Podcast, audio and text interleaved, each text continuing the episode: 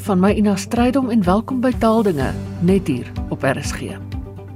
Ons beantwoord weer vandag luisteraars se taalnavrae. My gaste is ouer gewoonte die hoofredakteur van die Woordeboek van die Afrikaanse taal, Dr Willem Botha en 'n senior mede-redakteur, Alet Kloete. Willem, ons begin by jou. 'n Anonieme luisteraar wil weet wat die verskil is tussen slim Jan en slim Koos en ook waar die rugbyterm pypkan vandaan kom. Slim Jan en uh, slim Koos is sinonieme, maar slim Jan is 'n bietjie meer uh, frequent, dit kom bietjie meer voor volgens die WAT en daarom is die definisie by slim Jan uh in dit lui is volg: iemand wat beter weterig is of hom of haar as slim en ingelig voordoen. Sinonieme: slim Koos en slim prater. Nou, dit is baie interessant dat Jan ehm um, dit was gebruik word vir sulke personifikasies. Ons praat van Jan Alleman, Jan Bali, Jan Bali is iemand met 'n groot dik maag en dan ook iets soos liewer bang Jan as dooie Jan. En Jan Banke is 'n skertse benaming vir 'n bobbejaan. Dan het jy ook nog Jan Boel, is 'n skertse vir Afrikaansing van John Boel. Jan Burger vir 'n gewone deursnee landsburger en so is daar 'n ontsettende klomp Janne.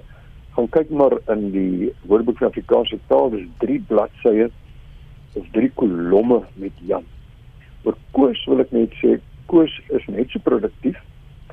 Nie heeltemal nie, maar ook redelik produktief. En Koos natuurlik is nou 'n manlike persoonsnaam. Dis eintlik 'n verkorting van Jakobus. En dan kry jy goed so slim Koos en Koos van 'n Merwe. Koos van der Merwe sê die WAT is 'n veel voorkomende Afrikaanse naam gebruik as benaming vir 'n volkse minder verfynde of ontwikkelde tipe Afrikaner. Gewoonlik is voorgestel in 'n situasie waarin hy sonder om dit te wil deur aard of optrede die laglus wek. Nou so was daar al die grappies van Koos van der Merwe in die skop van die Engelsman en so voort. Maar Koos natuurlik is ook 'n versigtigende benaming vir 'n kamerpot En dan die werkwoord koos eh, is baie pragtig. Dit beteken intiem en liefdevol of vleiend streelend praat met iemand of iemand so behandel. En dit is nou eintlik dieselfde as lief koos of minne koos. En dan wil ek ook nog weet wat is pypkan, né? Ja, ja. Goed. Nou pypkan in rugby beteken om jou teestanders te flous deur die uitvoer van 'n skynbeweging. Jy maak of jy gaan uitgee na links en dan hardloop jy na regs of jy maak of jy uitgee en jy hou die bal of jy maak of jy na links gaan en gaan en regs. Dit kom in die Nederlands pyp kanin en dit het aanvanklik slegs 'n letterlike betekenis gehad, naamlik uit 'n pyp kan, dit is nou 'n drinkbottel drink. En dit is gebruik in opskrif van babas. Nou jy gee vir hom 'n pyp kan. Jy gee vir hom 'n bottel, jy gee nie vir hom die vrou se bors nie. Die vrou gee nie haar bors nie. Nou hieruit vloei dan die figuurlik betekenis voort van bedrieg of eintlik 'n kind die pyp kan in plaas van die moederbors gee. En dan later uh, kry die betekenis ook van teleurstel en die steek laat. En uh, in Engels is om te pyp uh, to sell a player the dummy. In Afrikaans praat die meeste mense natuurlik ook van 'n dummy, maar ek hoor ons kommentators praat daarom nog van pypkan. Alet Leen van Polokwane vra is dit nou verkeerd om te praat van 'n hotnotskot, hotnotskot as 'n mens na die insek verwys? En is dit dieselfde ding as 'n bidspringkaan? Dit is 'n moeilike vraag, die. Miskien wil ek nou net so aan die begin sê die spelling van hotnotskot en hotnotskot is met 'n T aan die einde en nie 'n D nie, interessant genoeg. Uh die koi koi is tevore hotnotte genoem, maar die term word beslis nou as neerhalend beskou en die naam Hottentot is waarskynlik in 1652 deur die Nederlandse settlers aan hulle gegee weens die baie klikgeluide of die suigklanke in hulle taal. Terwyl Khoi wat beteken manne van manne die benaming is wat hulle hulle self genoem het.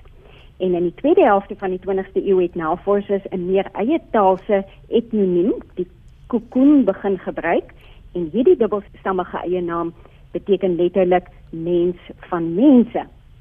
Nou die WAT het 'n uh, internasionale kongres gehou juis oor hierdie beledigende en sensitiewe leksikale items En dit was reeds in 1994 van die 8de tot die 10de Februarie.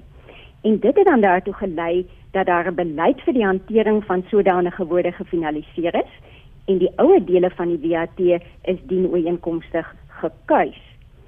In ooreenstemming met die bepalinge van hierdie beleid word tot en tot skot vir 'n definisie weggewys na 'n neutrale sinoniem, naamlik mantis. En mantis word dan volledig bewerk, maar tot en tot skot word nie as sinoniem gegee nie en by daardie lemma word die gebruiker dan nou ook weggewys vir 'n volledige bewerking na 'n uh, elektroniese leer wat dan nou net aan bona fide navorsers beskikbaar is op aanvraag. En die beweegrede hiervoor was dat ons nou nie die gebruikers rassistiese en neerhalende woorde wil aanleer nie en ook nie die gebruik daarvan wil voortsit nie. Maar nou moet ek bynoem dat daar in die beleid van die WAT ook die volgende gesê word en dit was reeds in 1994. Die bureau van die WAT behou om die reg voor om na oorlegpleging en na mate die klimaat ten opsigte van die belewing van rasisme verander, die beleid oor die hantering daarvan te hersien. As die belewenis van sensitiewe taal met verloop van tyd minder traumaties sou word, sou dit miskien moontlik kon wees om op 'n meer kliniese wyse na rasisme te kyk en dan handel dit dan nou spesifiek oor hierdie tipe samestellings met termstatus soos 'n hotendotskot wat in vergelyking met simplekse en uitdrukkings as relatief minder rassisties ervaar word. En dan sou hulle dan nou in 'n latere stadium heroorweeg kon word vir 'n meer volledige bewerking, ook wat die aanname van aangawe van sinonieme, antonieme, verwysings, gebruiksvoorbeelde en dis meer betref. So om die leser se vraag te beantwoord, dit word as minder aanvaarbaar beskou om van 'n hot nog skot of hot en tot skot te praat. Uh mantis is die gebruikelike woord. Dit is dieselfde ding as 'n bidspringkaan, alhoewel bidspringkaan dan nou eintlik meer spesifiek vir die mantis religiosa gebruik word. Nou die daardie spesifieke mantis het dan ook die gebruik om die voorpote bymekaar te hou, soos jou hande in 'n gebed. Willem Maurice Hemrou wil weet of die uitdrukking so skaars soos wors in 'n hondehok nie meer gepas is as die uitdrukking so skaars soos hoendertande nie. Ja, Maurice het uh, probleme of hy het 'n probleem met uh, so skaars soos hoendertande, want hy sê as hoendertande vandag skaars is, sal dit op een of ander tyd weer vol wees. Maar daar bestaan nie iets soos hoendertande nie. Ja. Nou sê dit is presies waarom ek praat van so skaars soos wors in 'n hondhok. Hy sê iewers het ek dit gelees of gehoor, maar ek kan nie die bron van kennis onthou nie. Nou, Maurice, dit is wel 'n erkende uitdrukking, so skaars soos wors in 'n hondhok en dit is in al die bronne en jy het heeltemal reg gehoor of gelees of onthou, as niks meer fout nie. Die twee uitdrukkings uh, beteken maar dieselfde en ek verstaan jou logiese beswaar teen so skaars as hoendertande maar die feit van die saak is dit sal altyd skaars wees want dit bestaan nie.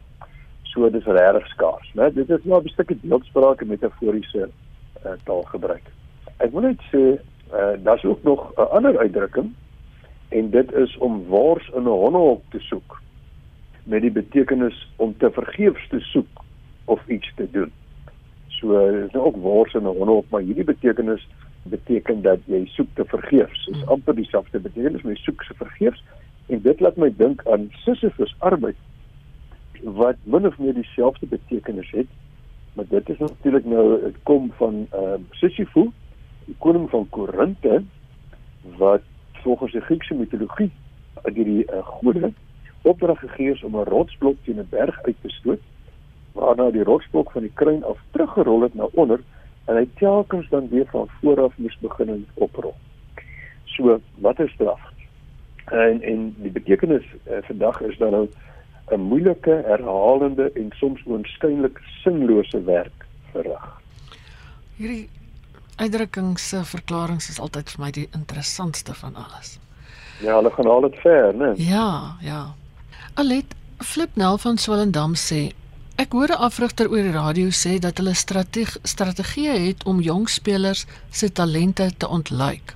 Nou vra hy, kan ontluik so gebruik word? Dit klink darm nie reg nie. Nou, nou in Afrikaans ken ons die woord luik net as 'n selfstandige naamwoord wat hortjie beteken. Nederlands het wel die werkwoord luik en dit beteken om te sluit of toe te maak. Ontluik beteken dan letterlik om dit wat afgesluit of toegemaak is weer oop te maak. En in die WAT word daar twee betekenisonderskeidings vir ontluik gegee. Die eerste een is 'n vroeë stadium van ontwikkeling ondergaan. Dit kry mense by plante, plante wat ontluik en dan in die tweede plek in volle potensiaal of vermoë.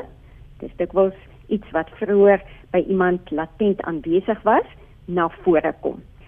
Nou ontluik kan net in aktiewe konstruksies gebruik word en passiewe konstruksies is nie moontlik nie. Spelers ontluik van self.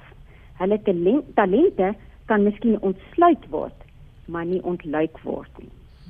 Of mens moet seker sê laat ontluik. 'n Mens sou kon sê laat ontluik, ja. Willem, nog iets wat uit die sportwêreld kom, lyk like dit my. Ehm um, speen word in die sportberigte van Afrikaanse koerante verkeerd gebruik, sê Willa van die Parel. Sy haal die volgende sin aan uit rapport. Jake White wil wessels speen in die plaaslike klub rugby kompetisie. Speen beteken hier voorberei vir groter dinge of grootmaak vir iets, terwyl die korrekte betekenis van speen iets heeltemal anders is. Ja, kom ons gaan haal speen by sy oorsprong. Dit is 'n selfstandige naamwoord. Is enigiets van die verlengde tepels wat by vroulike diere wat eiers het, soos koeie, uh, aangetree word. Dan die werkwoord beteken om 'n baba of jong soogdiertjie af te leer om aan die moeder of 'n bottel te drink en hom of haar geleidelik aan ander kos blootstel. So die kalfie word nou gespeen, sy moeder leer hom om minder afhanklik van haar te wees. Dit kan dieselfde met 'n baba gebeur en dit word dan nou later toegepas uh baie breër met die betekenis iemand of jouself leer om sonder 'n ander klaar te kom of om van iets afstand te doen of 'n bepaalde handeling of gewoonte te laat vaar. So as jy dit nou in 'n sport eh, sou gebruik, gaan dit nie eintlik pas in die regte betekenis nie. So as jy 'n speler wil speel, dan wil jy hom minder afhanklik maak van 'n afrigter of een of ander voordeel wat hy het, maar soos dit deesdae gebruik word, ek sit ook hier met 'n uh, met 'n opskrif in 'n koerant. Ehm um, afrigter wil ons by klub speel. Dis totaal verkeerd. Ehm um, uh, Hulle verstaan dit heeltemal verkeerd. Dit is om iemand af te vat van die speen, nie om iemand op die speen te sit of hoeler dan ook nog dit misverstaan. maar dit beteken eintlik om iemand uh minder afhanklik te maak soos 'n ma 'n baba speen. Uit die sportwêreld altyd iets wonderliks. Ehm um, Alet, Nita van Blouberg strand wil weet, wat is die korrekte Afrikaans vir spreadsheet? Nou 'n spreadsheet kan vertaal word met sigblad, spreiblad of spreitabel. En ek hou eintlik van sigblad want vir my voel dit of spreiblad en spreitabel eintlik ook maar net leen vertalings is. Uh as jy mens nou dink wat 'n sigblad is, dit is 'n matriks van rye en kolomme met selle en in daardie selle word dan nou inligting ingevoer en jy kan dit gebruik om data te analiseer of bewerkings te doen en die wonderlike daarvan is is dat jy dan met een oogopslag 'n baie mooi beeld kry van die navorsing wat jy het gedoen het of die inligting wat jy wil hê. So ek sou sê sigblad is vir my die beste vertaal ekwivalent om te gebruik. Willem Marie van Senekal wil weet hoekom praat ons van eksie perfeksie? Eksie perfeksie om iets eksie perfeksie te doen, is om iets volmaak reg te doen. Nou vir die geskiedenis daarvan moet ons gaan na Nederland. Nou daar is 'n uitdrukking iets in die hekse perfeksie doen. Nou dit is moontlik 'n verwarring van in die perfeksie. Ehm um, of 'n vermenging van in die perfeksie met die ou toorformule hekse perfeksie. Die towerwoorde was ocus ocus hekse perfeksie. En dis amper soos die Engels hocus pocus. Ook in Duitsland was daar ex perfects. Die woorde van 'n towenaar terwyl hy sy toertjies doen. Miskien is daar in in in, in ons stamtaal iets oorspronklik gesê, is daar oorspronklik gesê iets doen met 'n eksie perfeksie, ek weet nie. Maar eksie perfeksie is eintlik eintlik verband met 'n towerspreek wat maak dat jy iets nou wonderlik goed kan doen soos 'n normale mens nie kan nie. Maar uh, dit is nou moontlik 'n storie, maar vir ons beteken eksperfeksie net reg volmaak. Ja, ja. Alet P verster van die Parel skryf. 'n Nuusleser sê onlangs dat die onwettige immigrante se besetting van die Methodiste kerkgebou te danke is aan swak handelstoestande. Moet dit nie wees te wyte aan nie. Ja, hy is reg hier. 'n Mens hoor dit nogal baie, maar dit is nie korrek nie. Want 'n mens gebruik te danke wanneer daar van gunstige gevolge sprake is, terwyl te wyte op 'n negatiewe uitkoms dui. As 'n mens dit ek dink egter as 'n mens dit sarkasties bedoel, dan sou jy miskien kon sê te danke. Ek sou byvoorbeeld kon sê baie dankie. Dis aan jou te danke dat ek my werk kwyt is en dit is dan nou nie die gewone gebruik van van te danke nie, maar jy wil juis 'n punt daarmee bewys. Willem Anna Forsie van die Bosveld vra vir 'n gepaste naam vir 'n laerskoolse gelukbringer. Sy het gedink aan Karnali, maar is versigtig vir die oorspronklike betekenis van die woord Karnali. Ja, Annetjie in die Bosveld, ehm um, die betekenis van Karnali in Afrikaans is bloot 'n ondeende fabel al het dit histories gesproke 'n negatiewe betekenis is dit nie vandag in Afrikaans te geval so jy sou dit enige tyd kan gebruik want mense was al in die moeilikheid hieroor maar dit is onregverdig om iemand se gebruik van karnalie terug te voer na die oorspronklike betekenis in Nederlands of Middelnederlands of Frans maar uh, net vir volledigheid gee dit ons kry karnalie uit Nederlands kanalie wat in 1682 vir die eerste keer opgeteken is en dit beteken skurk of elendeling. Maar daar was ook uh, 'n uh, streektaalvorm wat nader in Afrikaans is, karnalie. Nou die die Nederlandse karnalie of karnalie is sterk negatief en is ook kollektief vir 'n gespuis, 'n gepepel, maar dit is nie in Afrikaans die geval nie. En hierdie Nederlandse karnalie, sy negativiteit kom daar uit dat dit kom uit die Frans canai en Italiaans canaglia wat beteken dit 'n hondegebroedsel. So, jy kan gerus Annetjie ehm um, carnali gebruik, maar ek dink nou aan 'n ander woord as jy bang is daarvoor, naamlik rakker. Noem daardie gelukbringer 'n rakker. Nou 'n rakker is iemand veral 'n kind wat besonder lewenslustig, ondeend, onbitsig of stout is. En dit is onwetend probleme, kommer of ergernis uh veroorsaak. In die WAT is daar byvoorbeeld die volgende voorbeeldsin: 'n klein rakker wat skynbaar gebore is net om ergernis en moeite te veroorsaak of 12 rakkertjies staan bang en wag om ingeroep te word na die kantoor. Ehm um, nou ja, daar's hy. Ag, sies tog 'n rakker is tog te oulik. Ehm um, Alet, die laaste vraag aan jou. A Bouwer van Sandbaai sê: "Die turkoois is my verjaarsdagsteen. Waar kom die woord vandaan?" Nou, interessantheidshalwe gaan ek die verduideliking nou ook 'n bietjie verhaal. Die geskiedenis van geboortestene het waarskynlik reeds in die Bybelse tye begin. Want in Eksodus word daar reeds melding gemaak van die borsplaat van Aaron. Hy was die eerste hoofpriester van die Israeliete en daardie borsplaat is met 12 edelstene versier en die stene het die 12 stamme van Israel gesimboliseer. Die stene het glo kragte gehad wat mense se lot kon voorspel. En eers 500 jaar daarna, nadat dan nou vir die eerste keer uh hierdie borsplaat van Aaron beskryf is, het 'n geskiedkundige van die tyd 'n verband gesien tussen die 12 stene in die borsplaat, die 12 maande van die jaar en die 12 tekens van die diereriem. En vir eeue lank het mense toe gedink dat hulle hierdie edelstene moet dra, want hulle het geglo dat dit hulle bepaalde kragte sou gee. En dan is dit nou ook nie net een edelsteen nie, dan is dit nou ook 'n hele klomp edelstene gelyktydig. Later het die gebruik ontstaan om net een steen op 'n slag te dra, afhangende dan van watter krag 'n mens op 'n bepaalde tydstip nodig gehad het.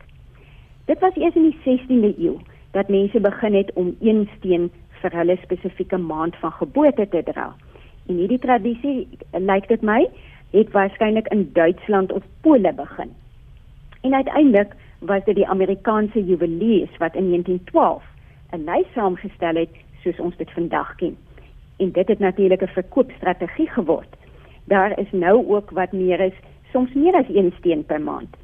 So is daar in 2002 vir Desember nog 'n steen bygevoeg, nie net die turkoois nie, maar ook die tanzaniet. En interessant tanzaniet is 'n steen wat net in Tansanië aangetref word. Ek het dit nie besef nie. Nou terug by die turkoois. Die turkoois is 'n pragtige blou-groen steen wat onder andere ewewig en kalmte simboliseer. Turkoois het sy naam aan die kruistogte te danke.